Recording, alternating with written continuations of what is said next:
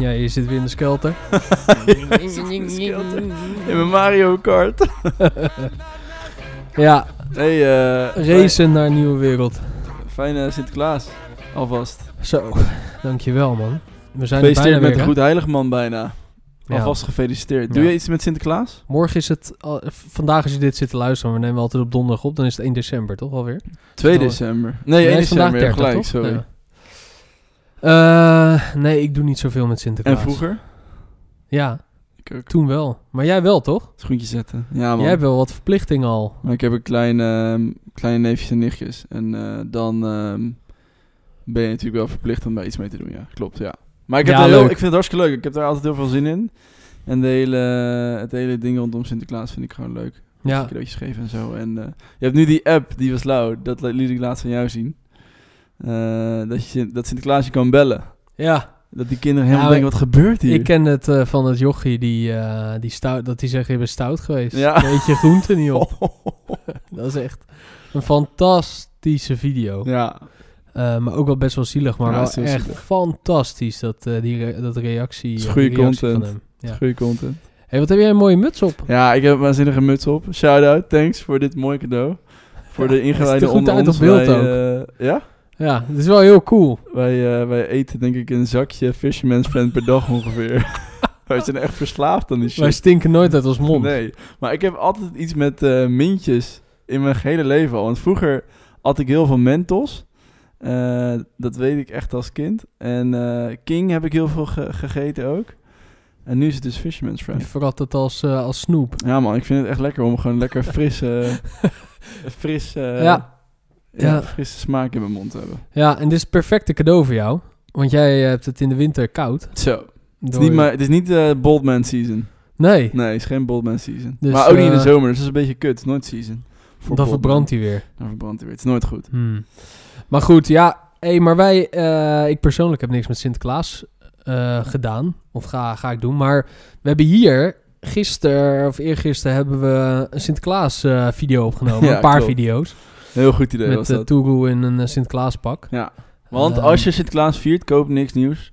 Kijk eerst alsjeblieft op Marktplaats of Vinted of je ook leuke cadeaus kan kopen die tweedehands zijn. Ik zie, heb wel gezien dat Marktplaats adverteert met, ehm, met een commercial. Ja? Eh, ja, dat is best wel een goede commercial. Ehm, daarin staan kinderen in een kamer met speelgoed.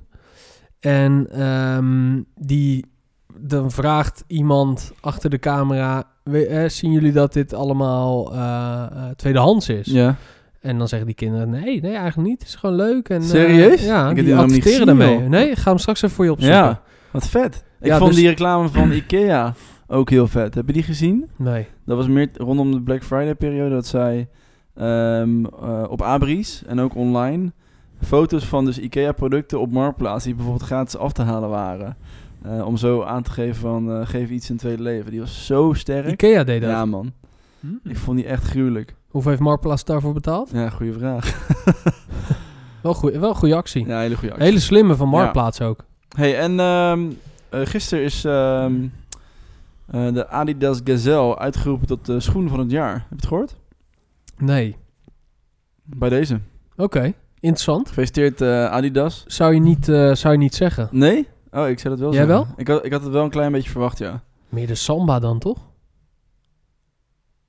Ja, was het nou de Samba of de Gazelle? Nee, dat was de Sam.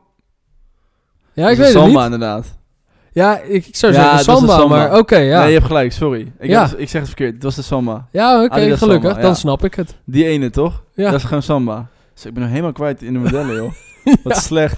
Ja, Samba was natuurlijk gewoon een ding dit jaar. Ja, klopt. Iedereen Dus, was op eh, zoek naar die Samba's. Ja, dat is gisteren uitgeroepen tijdens een of andere verkiezing. De Ja. schoen van het jaar is de Samba. Wel grappig, hè? Want, want die schoenen zijn natuurlijk...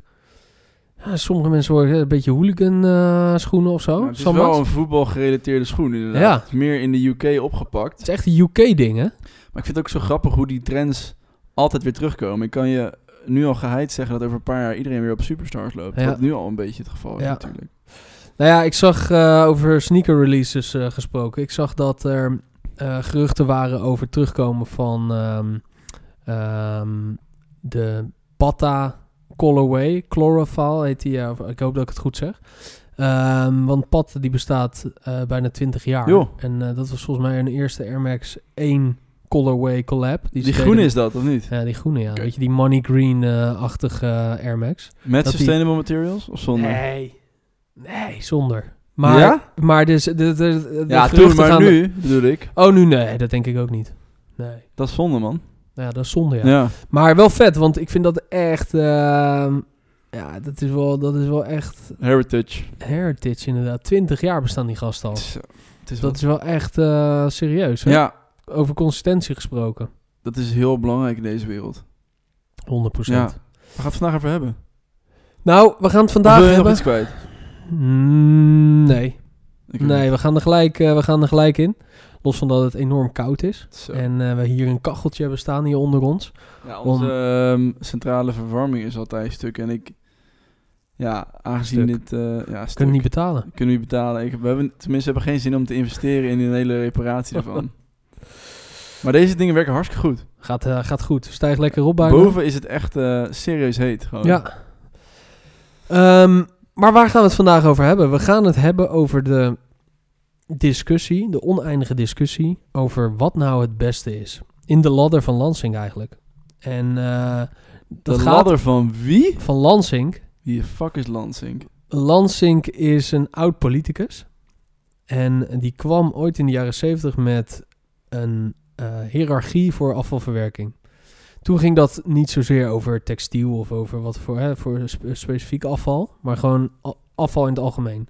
En Ad Lansing eh, was de eerste die dat op papier zette in de jaren zeventig. Nou, revolutionair, visionair ook, die man. Ja? Hij leeft nog, hij is in, die, in de tachtig, hij is ook nog actief, zag ik. Doet hij meet and greets ook? Nou, we zeiden dat natuurlijk aan het begin van dit jaar toen we in de Tweede Kamer waren geweest, gekscherend. We moeten, want toen hebben we natuurlijk een kleine shout-out gedaan naar Ad Lansing. Nu Kunnen we dat nu even weer. laten horen? Ja hoor. Dag allen, mijn naam is eh, Lorenzo van co-founder van eh, Ware. Eh, voordat ik begin wil ik hier in het hart van Politiek Nederland iemand in het zonnetje zetten. Namelijk Ad Lansing. Eh, Ad Lansing, voormalig politicus en lid van de Tweede Kamer, introduceerde hier op deze plek in 1979 alweer een motie. Deze motie zou later bekend staan als de ladder van Lansing. Een revolutionaire standaard op het gebied van afvalbeheer die anno 2023 nog steeds relevant is. Bij Ware richten we ons in deze ladder op de bovenste treden. Dat is preventie. We bieden namelijk onderhoud en reparatiediensten aan. eh, om de levensduur van jouw sneakers te verlengen. En hergebruik, de tweede treden. Wij verkopen namelijk tweedehands sneakers. Eh, recycling, een begrip dat beter bekend is bij de gemiddelde Nederlander, staat slechts op de derde plek op die ladder. Eh, door de brede adoptie van het begrip recycling bij consumenten, producenten en overheid lijkt deze optie echter op nummer 1 te staan. Ons werd gevraagd na te denken over kansen en uitdagingen bij het verduurzamen van de kledingindustrie. Eh, als, ik, als ik zo om me heen kijk, vertegenwoordig ik een ondergeschoven kindje in de kledingindustrie. Sterker nog, ons product is niet eens een onderdeel van de veelgeprezen UPV. Eh, schoenen dus. Eh, op zichzelf dus al een uitdaging. Allereerst is het wat ons betreft dus belangrijk om footwear mee te nemen in deze discussie. En daarbij dus alle aspecten van kleding te behandelen. Eh, daarnaast moeten we samen streven naar een betere informatievoorziening over preventie. Verle- verlengen van de levensduur van je huidige producten dus. Het is tot slot vanuit de ondernemersperspectief, dus ons perspectief, essentieel dat de overheid goede randvoorwaarden faciliteert voor businessmodellen die gefocust zijn, gefocust zijn op hergebruik. Wij verkopen tweedehands sneakers in de prijscategorie van 29 tot 59 euro in de BTW. Hierdoor wordt duurzaamheid toegankelijk voor een grote groep consumenten. Echter is het met de prijs van 21% BTW een serieuze aanslag op je marge en dus op je groei en dus op je potentiële positieve impact. We zitten hier aan tafel omdat we worden gezien als circulaire koplopers. Maar dat is niet genoeg. Als we echte systeemverandering teweeg willen brengen, moeten we ons kunnen meten met de grootte der aarde. Eh, we moeten een marktaandeel veroveren. En daarom vragen we de politiek om het speelveld gelijk te trekken.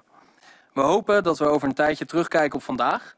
Als een dag waarop we dat fundament hebben gelegd voor echte systeemverandering in de kledingindustrie. Voor onze generatie en de generatie China. Nou, dat is het fragment natuurlijk Mooi over uh, trouwens. Atlans. Complimenten nogmaals. Ja, thanks. Nou, hebben we samen gedaan. Eh, Echte, dus- voetbal, echte voetballer, ja, ja. ja, Ja, nee, het was een mooi goal, maar het was een team effort uiteindelijk. ja, Eh, ja, ja. Maar Atlansing kwam met de hiërarchische manier van afvalverwerking. Ja. En wat zo visionair was, is dat hij op één zette het voorkomen. En dat vind ik zo vet. Want stel je gaat nadenken over, ehm, over een oplossing voor een probleem. Kan je even, zeg maar, Ja. beginnen bij die... eh, hoe ziet die hiërarchie er precies uit? Ah ja. Is- het is een- want het is een trap, toch? Soort ja, van? het is een trap. De eerste is eh, voorkomen, reduce. Daarna komt hergebruiken, reuse. Ja, Daarna komt recyclen. Recyclen dat is zijn dat eigenlijk ook. de drie groene. Ja. En, en, en hij, wordt steeds, hij wordt steeds roder, toch? Eh Ja, het- het zo voor me. Ja, het wordt steeds eh, minder duurzaam als je het zo wil zien. Daarna komt eh, verbranden. En eh, de vijfde trap weet ik gewoon even niet. Nee. Want daar focussen wij ook nooit op. Nee, het gaat om die eerste drie. daarom. Daar moeten we op focussen. En die, die trap 4 en 5 is eigenlijk gewoon het vernietigen van het afval. Ehm, dus het take, make, waste model. Dus je neemt de grondstof, maakt er Mhm. wat van en daarna ehm, vernietig je het. Dat eh, is natuurlijk een model wat sowieso al toegepast wordt. al, eh, al heel lang. Maar niet een model die houdbaar is. Dus laten we focussen op de eerste drie van de trap. Ja, goed En- idee. Nou ja, die man die ging in de jaren 70 daar eens over nadenken. Misschien al eerder. Ik weet niet hoe lang hij erover heeft gedaan. Maar eh, toen dacht hij van ja, we moeten dit probleem van afval, dat steeds groter wordende probleem. ehm, ja, daar moeten we een oplossing voor verzinnen. En Ik vind dat echt zo bizar als ik daar echt lang over nadenk. Dat iemand in de jaren zeventig, wat echt zeg maar. We hebben het gewoon over de eh, na, naoorlogse economische voorspoed. Want dat was het wel. Waar eigenlijk, nou in die tijd werd ook eh, polyester als materiaal ontdekt in die kledingindustrie. Dat het echt alleen maar ging om zoveel mogelijk produceren en kopen. Dat iemand op dat moment al dacht, dit kan gewoon niet. Terwijl iedereen nog echt pas aan het begin zat van die hele ja, consumptiecurve eigenlijk, zou je, zou je ook kunnen zeggen. Ja, En iemand was dus al... Ja, dat vind ik echt bizar. ja, ja, we zijn na die Tweede Wereldoorlog natuurlijk gaan weder opbouwen. Ja, Dus is er heel veel geld gekomen vanuit eh, eh, naar NAVO, nu NAVO. ja. Eh, en daardoor heeft Amerika zich natuurlijk als wereldmacht ook neer kunnen zetten. Zeker. Omdat zij na die Tweede Wereldoorlog, nou, Europa was gevallen. was eigenlijk nog geen Europa. Zo heet het continent wel, maar niet het Mhm. Europa zoals we het vandaag de dag kennen. En eh, zijn daar eigenlijk eh, met heel veel geld en kennis ehm, ja, als, als hulp ge- eh, gekomen. En heeft Europa ehm, met, de, met, met de behulp van de dollar eh, opgebouwd. En daardoor eh, ja, kon de consumptie inderdaad... de, de mensen gingen meer consumeren, konden meer eh, verdienen, hadden meer te besteden. Ja. Nou, de, mensen konden verder rijden, omdat ze beter... Er kwamen meer auto's, mensen hadden ook geld voor een auto Klopt. konden verder reizen. Weet je, dat is ook natuurlijk iets wat ontwikkelde na de jaren 60, dat het reizen steeds commerciëler werd en niet alleen maar voor de happy few. Ik zat laatst een, eh, even een zijspoor, maar ik zat laatst een video te kijken over eh, Schiphol. Ja, En eh, ik zal even de link daarvan. Nou ja, dat vergeten we altijd, dus ik ga gewoon zeggen wat het was. Het was een. ja dat is waar. Vorige keer ben ik Vorige keer ben je ook vergeten. Het was een, een ehm, explainer van NPO, of NPO op 3. En NOS op 3, dat zijn goede explainers. NOS op 3? Ja. Ja. En dat ging over Schiphol, hoe het ontstaan is. Nou, het hele Schipholgebied was vroeger water. Eh, wist ik niet. En ze, daar gingen veel schepen, die vergingen daar. Dus hebben ze helemaal daardoor, gedempt gewoon. ja, dus daarvoor dachten ze dat het een schiphol was. Daar komt de naam vandaan, zeggen ze. Oh, Zeggen lijp. ze. Maar het was water, kwamen van de Noordzee. Nou prima, dat hebben ze helemaal, dat hebben ze helemaal eh, eh, Gedempt. droog, ja, gedempt, maar droog gelegd. Alleen maar weiland geworden. En eh, ja, toen begon natuurlijk begin, eh, ja, aan het begin van de 20e eeuw een beetje de luchtvaart op gang te komen. Met dus eh, de KLM. Mocht nog roken in het vliegtuig, dat Ja. soort dingen. Ja, en in eerste instantie was de KLM bedoeld om naar Oost-Indië te vliegen. Dus dat waren best wel lange vluchten. En na de Tweede Wereldoorlog is dat natuurlijk eh, ehm, volgens mij volledig verwoest. Omdat het natuurlijk ook een strategische verwoesting was voor, voor, voor, voor het opstijgen en landen Mhm. van vliegtuigen. En daarna is hij opgebouwd en is dus die hele reisindustrie zo, eh, Interessant. zo groot geworden. Ja, en tegenwoordig is het natuurlijk meer, eh, zit, je, zit je slechter in het vliegtuig dan in de bus. ja, Ja, maar ja, überhaupt public transport. maar dat goed, is- dat is als, als context voor de jaren 60, 70, eh 80, waarin consumptie en, en winkels... de drijfveer was uiteindelijk. Ja. Ja, klopt. want de, ook de winkelcentra, stap jij maar een gemiddeld winkelcentrum in eh, in jouw gemeente. Je stapt zo de jaren 70 in. Sterker nog, de, eh, ik denk in die tijd, de Groene Hille Dijk hier in Rotterdam, Rotterdam-Zuid, was Ja. in die tijd echt thriving als een winkelstraat. Terwijl je wel. er nu niet dood gevonden wil worden. No Ja. offense, maar is gewoon wat het is. Nou, dat was een chique winkelstraat. Mijn opa en oma, die, eh, eh, nee, die, die zijn van voor de oorlog, leven allebei niet meer. Maar ze eens verhalen verteld over die Groene Hillendijk inderdaad. Ja, Eh, dat, dat was een hele chique winkelstraat waar je echt samen, chic gekleed, een rondje ging Ja. lopen langs de etalages. de, echt- de, de PCO van Rotterdam. ja. Maar goed, zover een lesje geschiedenis van meneer Vergaal, dankjewel. Terug naar Ad want eh, die had het natuurlijk over de ladder van Lansink. En we begonnen met Reduce. En Reduce is eigenlijk niks anders dan het narratief wat we vorige week ook een beetje hebben gecoverd natuurlijk, of de week daarvoor. Nee, het was vorige week, Care and Repair. Ehm, om beter je spullen te onderhouden. Want ehm, het devies is dat hetgeen wat je aan hebt het allerduurzaamste is. Daar moet je het langst mogelijk mee doen. En die hele beweging is natuurlijk, ja, heeft een goede tik gekregen met de opkomst van fast fashion. Toen wij kleding meer en meer zijn gaan zien als disposables. En waar we natuurlijk nu nog steeds de vruchten van plukken in de negatieve zin. Sterker nog, Shein is een IPO aan het voorbereiden. Een, een beursgang in, in Amerika samen met eh, Goldman Sachs. Dat is wel echt bizar. Ze gaan gewoon public. Kan een Chinees bedrijf eh, public gaan? Of is dat een eh, vraag voor een, eh, Dat weet ik niet, dat is een goede vraag eigenlijk. voor een andere... nou, het zal waarschijnlijk Amerikaanse vertakking zijn, maar ik bedoel, elk, Ze moeten, ze moeten elk Chinees bedrijf is toch gewoon, eh Chine- het is toch Chinese, over, deels altijd overheid erbij Misschien betrokken? is het wel geen Chinees bedrijf dan. Nee. Ah. Interessante discussie voor een andere podcast. Maar goed, ehm eh, Reduce staat er dus altijd bovenaan die ladder. Omdat je daarmee dus eh, niks nieuws hoeft te kopen. En dus geen nieuwe productieprocessen hoeft te initiëren. Ja. Om iets te maken wat jij dan weer nodig hebt, zeg maar. Je weet wat ze zeggen? Voorkomen is beter dan genezen. En zo is het. En daar komt dit wel vandaan. Daarmee sluiten we deze podcast af. Fijne Ja. avond allemaal. Goed weekend. nee, maar dat is, dat is Ja. de, de bovenste. Voorkomen, dat is gewoon beter dan genezen. Klopt. Toch? Is ja, het beter niet doen eh, en daarover nadenken dan het wel doen en dan eh, oplossing gaan vinden. Denk jij, als jij nu met een microfoon de straten van Rotterdam opduikt, dat deze term, reduce, ehm, leeft binnen het, het volk, zeg maar? Nee. Nee? Wat denk jij? Nou, ik, denk Ligt, eraan, ligt eraan eh, waar je gaat vragen. Ik denk als je hier nu de Groene de Hillendijk Ja. oploopt, dat dat eh, niet zo leeft. Nee, dat denk ik ook niet. Ik nee. denk als je nu de Negenstraatje oploopt in Amsterdam, dat het eh, wat meer leeft. Dus Maar, dat, in de pijp, hè? en in de pijp, inderdaad. In de pijp. De pijp. In de pijp. Daar leeft het wel, denk ik. Maar eh, waar, waar denk je dat dat door komt? Want ik spreek, ik spreek wel eens ook wel eens met mijn, mijn opa en oma over het feit dat je echt ehm, heel de week dezelfde schoenen aan had, behalve op zondag. Dan had je zondagschoenen aan voor als je naar de kerk ging. En die liet je dan ook echt verzolen en dergelijke. Maar dat is natuurlijk helemaal eh, verdwenen, die hele sector en die hele industrie. Ehm, waarom denk je dat het nog steeds niet populair is om dingen ehm, te maken om te weer, zeg maar, her te, of niet her te gebruiken, maar langer te kunnen laten doen? Omdat de maker er dan minder aan verdient. Ja, dus het is Want- een commerciële redenen. Ja. Weet je wat ze daar trouwens, daar hebben ze een term voor. Nou, Planned obsolescence heet dat. Ja. Dus ehm, ze, producten worden gemaakt op een zo'n manier dat die na x periode sowieso ehm, ehm, ja, niet, het niet meer doen.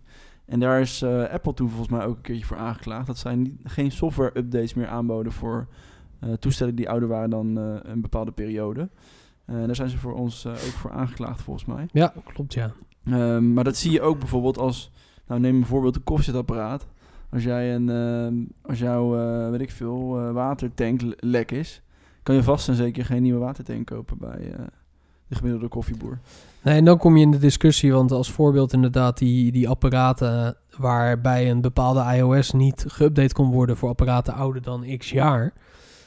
Ja, dan kom je in de discussie, oké, maar wat is de levensduur vanuit fabrikant van een product? Ja, En als dat vijf jaar is en je zit zeven jaar in het product en je, er is dan geen update meer, ja, is dat dan, heeft dat dan te maken met eh, kwaadwillendheid of heeft dat gewoon te maken met, ja, we Maar gaan vooruit en innovatie en er is dan weer een nieuw product. Moet je daar transparant over zijn van tevoren. Dus moet je bij de aankoop heel hard communiceren. Dit product gaat vijf jaar lang mee.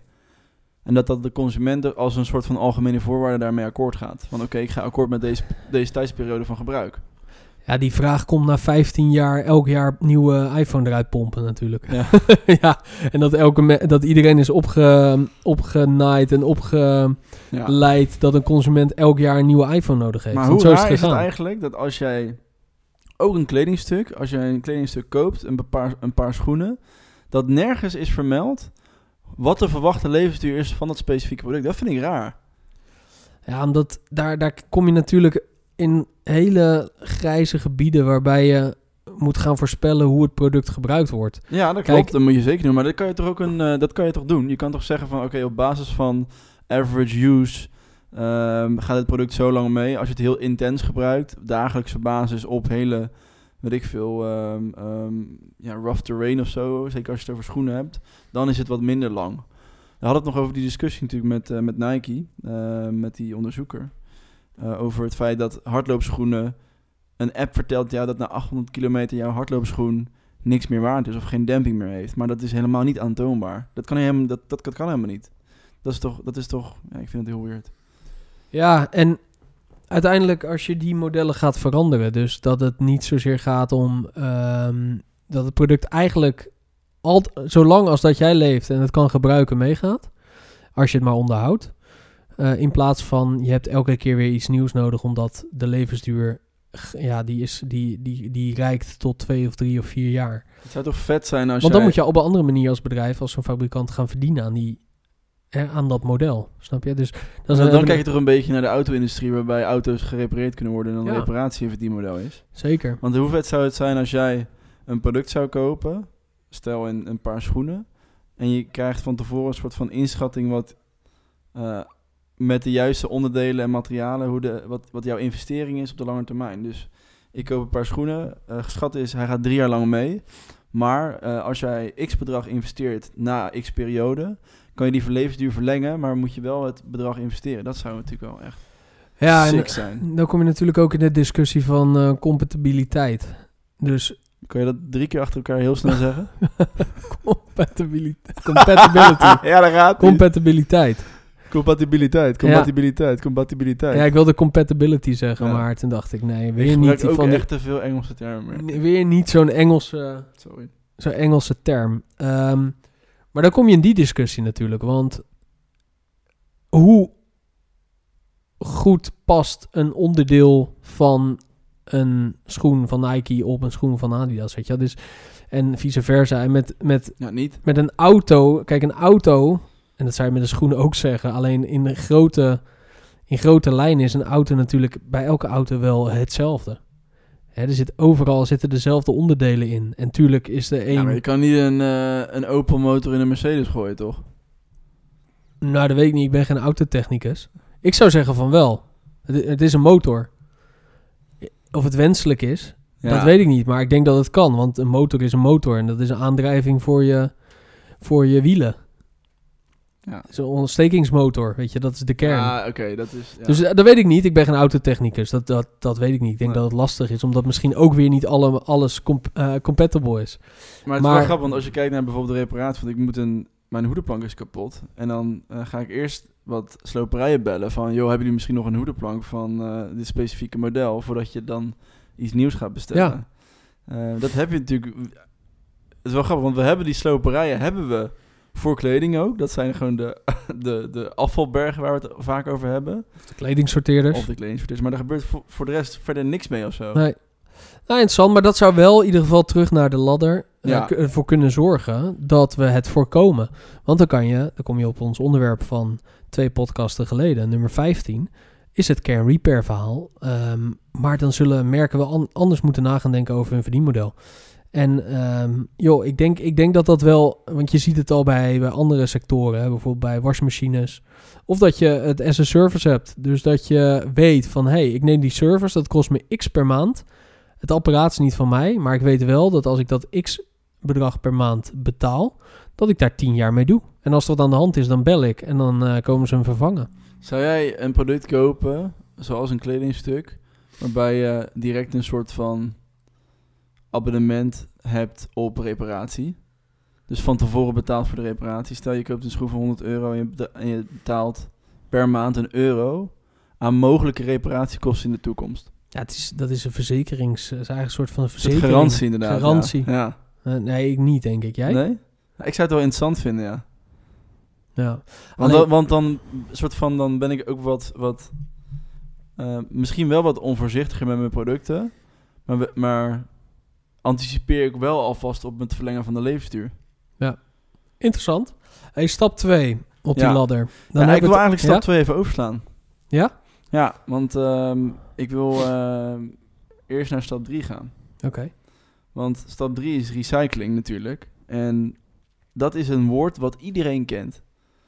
Als jij eh, net kan praten, kan je bij wijze van spreken al recycling uitspreken. En weet je meteen wat het is. En dat vind ik, heeft mij altijd ehm, verbaasd.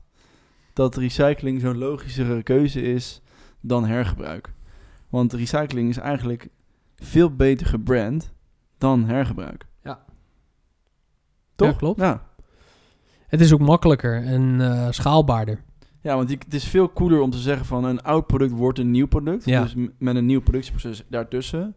Dan dat je zegt van het oude product is nog steeds het oude product, maar kan je langer gebruiken. Ja, in de schoenen van een producent Ja, is het, is het interessanter. Want je kan zeggen van, nou ja, we hebben een miljoen schoenen.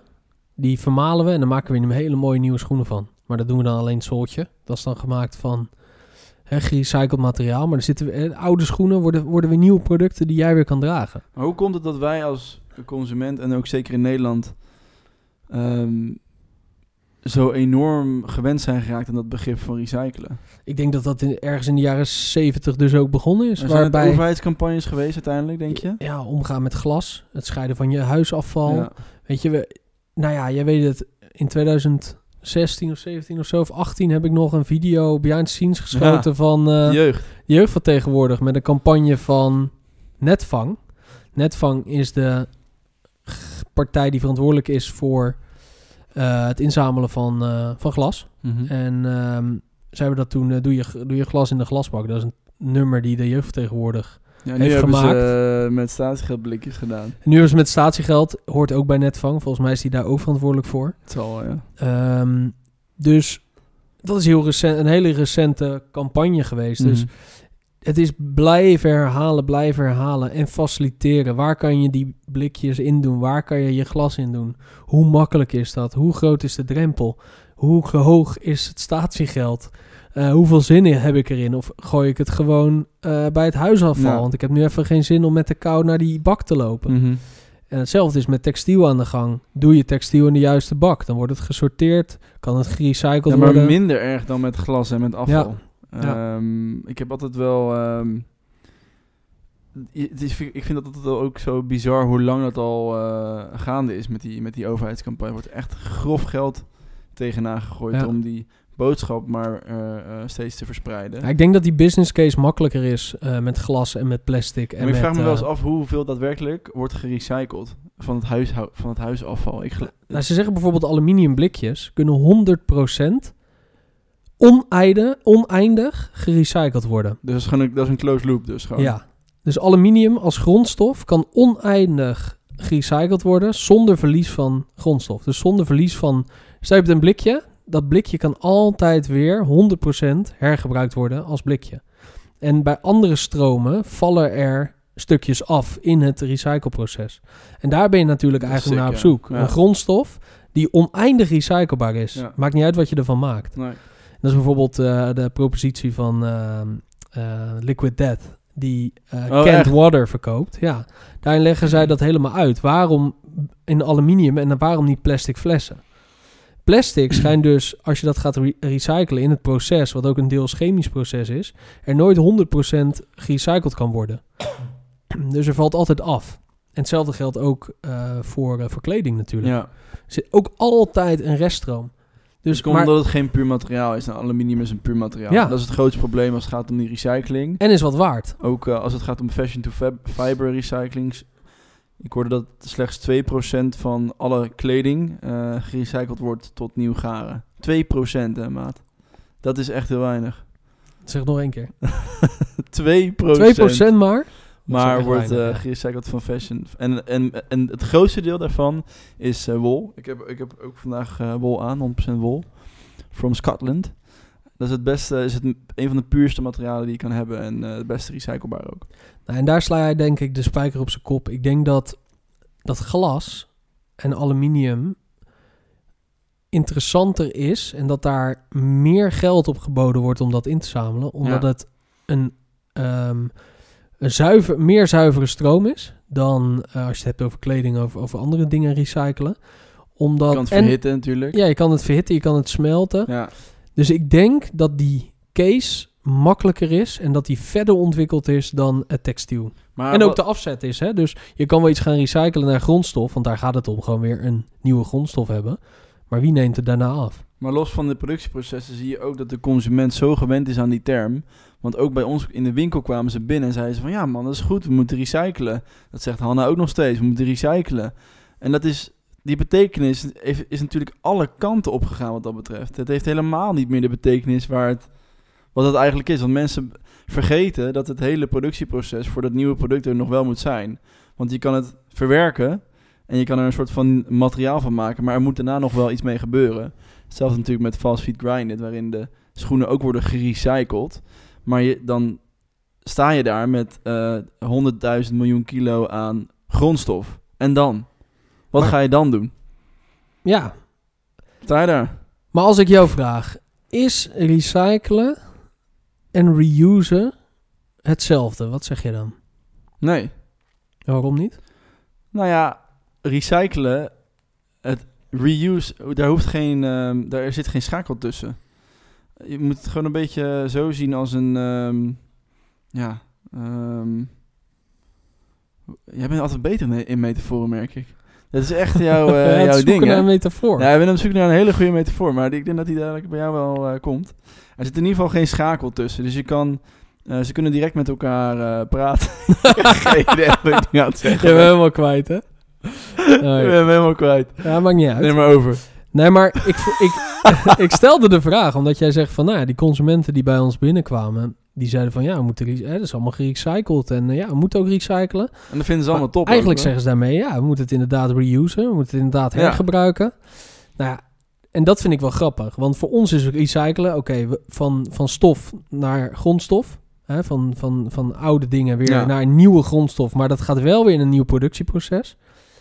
Of het product wat al bestaat, nog een keer gebruiken in zijn huidige vorm. Dat Ja, is dus eigenlijk het verschil. Grondstof, halffabrikaat, eh recyclingproces, grondstof en weer Ja. halffabrikaat. Ja.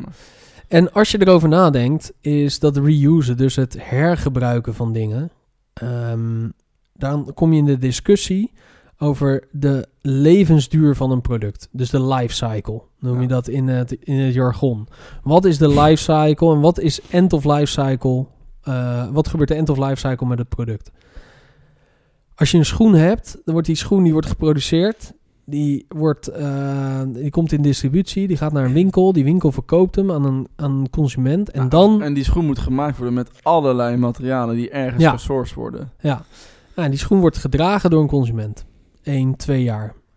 Het is kapot of hij wil er vanaf. Ligt een beetje aan. Als hij kapot is, gaat hij misschien in de bak. Ja. Als hij er vanaf wil, verkoopt hij hem bijvoorbeeld Ja. aan eh, iemand op Vinted. Dan komt die schoen in zijn volgende leven. Tweede lifecycle. Dus we Tweede hebben life eentje- cycle. Check. Ja, nou dan trek ik hem aan. Ik ga er nog een jaar of twee jaar mee lopen. Prima. Misschien is die schoen daarna versleten, kapot. Nou, dan kan ik hem maken. Of ik kan hem weggooien. Ja. Nou, meestal als ik hem weggooi, dan wordt hij gerecycled. Dus wordt hij uit elkaar getrokken tot een hele kleine vezel. En gaat het naar een ander productieproces. Dus maken ze misschien weer een schoen ervan.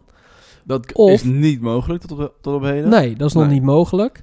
Of je houdt hem zelf en je besluit de zool te vervangen, zodat hij nog een, leven, nog een leven mee kan. Zit je in de derde cycle. Nou is de discussie tussen mensen die in de recycling zitten en mensen die in het reusen zitten, tweedehands. Is het niet duurzamer om een product die zijn lifecycle heeft gehad, direct te recyclen, in plaats van het een leven te geven, in het, eh, het reusen, en daarna alsnog te moeten recyclen? Dat is altijd het argument. Ja. En ik vind dat een hele interessante vraag. En Hoe ook je hele rele- relevante. eigenlijk? Waar heb je deze gehoord? In de Tweede Kamer. Dat dacht ik al. Bij die gozer, toch was dat? Ja, en, ik, en hij zei dat. En toen, toen zei ik ook van ja, je hebt daar wel echt een goed punt. Ja, ik vind het echt totaal niet. Nee? Ik vind het echt ehm, alsof deze man oogkleppen op heeft. Ja, Heeft, ja, ja. dat zou kunnen. Nee, oprecht. Want als je, volgens mij als je niet kan inzien dat... ehm, voor, zeg maar, eh, eh, het uitstellen van recycling is toch altijd alsnog het allerbeste als je meerdere consumenten met dat product kan, ehm, ehm, eh, kan faciliteren.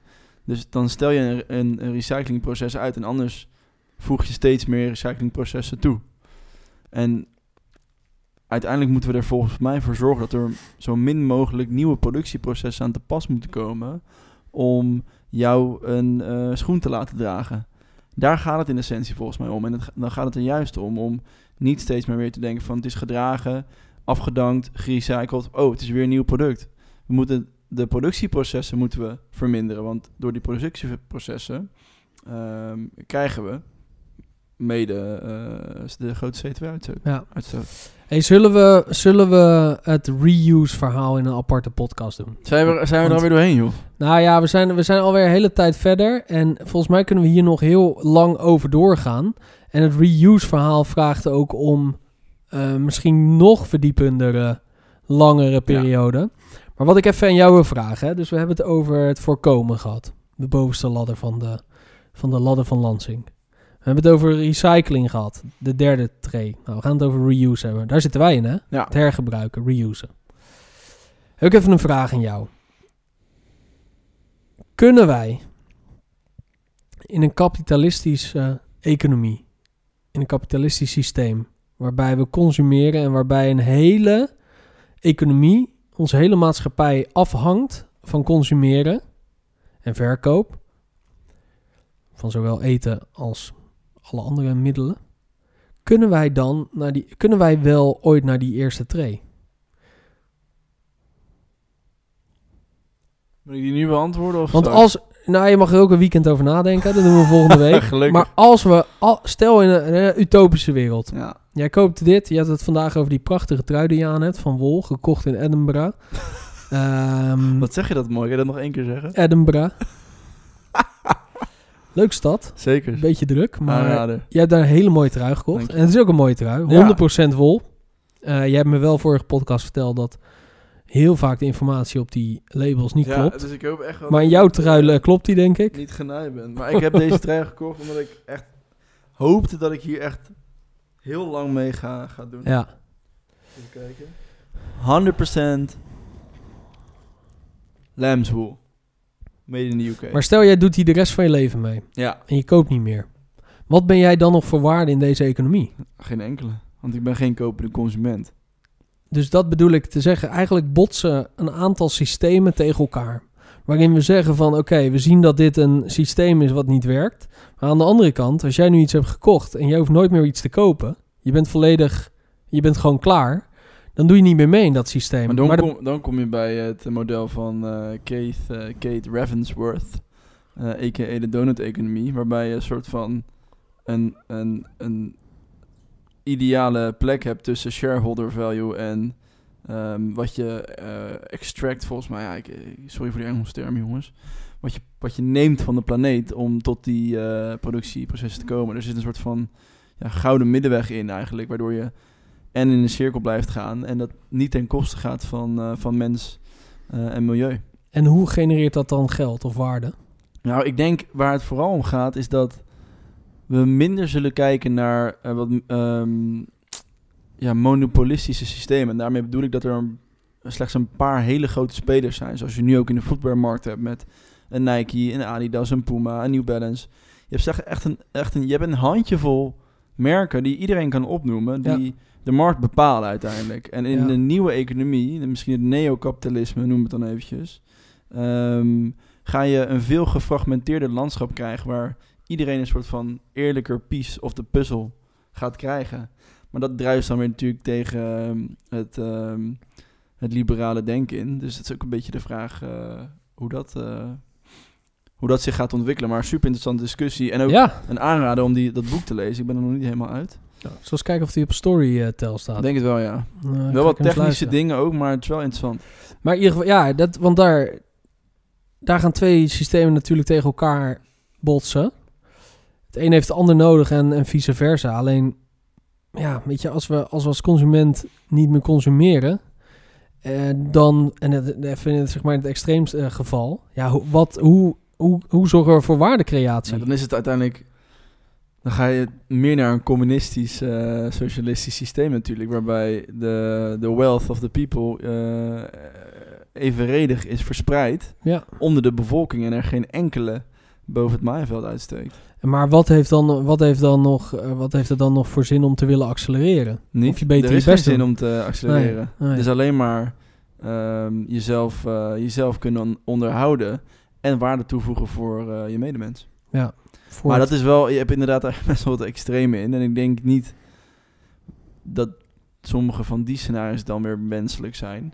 Maar ik weet ook wel zeker dat het huidige scenario ook niet helemaal menselijk is. Maar goed, Mooi om mee af te sluiten, denk ik. stof tot nadenken. Ja. Eh, reduce en recycle. En we missen er nog één in het midden. Ja. Dat is eh, reuse. En daar gaan we het in de volgende podcast dan over hebben. Eh, en daar gaan we heel lang en diep over uitweiden, denk ik. Zo, En ook terug naar het voorkomen Bereid je en voor. het recyclen. Ja, bereid je voor. Je hebt nog even een weekend om Ja. op adem te komen. kan het zeggen. En warm te worden. Zeker. Want het is nog steeds koud. ook Hey, aan en het einde van wanneer deze eh, krijgen we de Return of the Advocaat van de Duivel, eh Lor? Ja, nou ik zat dus te denken ehm, om daar gewoon een aparte podcast van te maken. Ja, dat lijkt me nou een fantastisch idee. ja, Een aparte rubriek. ja, een aparte, ja, dat zou wel kunnen, ja.